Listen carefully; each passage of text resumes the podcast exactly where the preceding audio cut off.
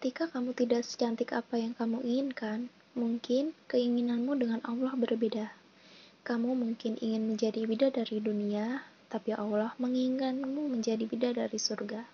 Ingat, kecantikan fisik itu tidak akan dibawa ke janahnya, tapi cantiknya akhlak akan terkenang sampai kapan pun.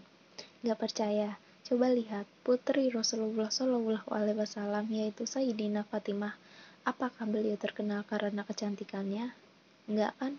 Beliau terkenal karena akhlaknya dan keimanannya kepada Allah yang sangat luar biasa.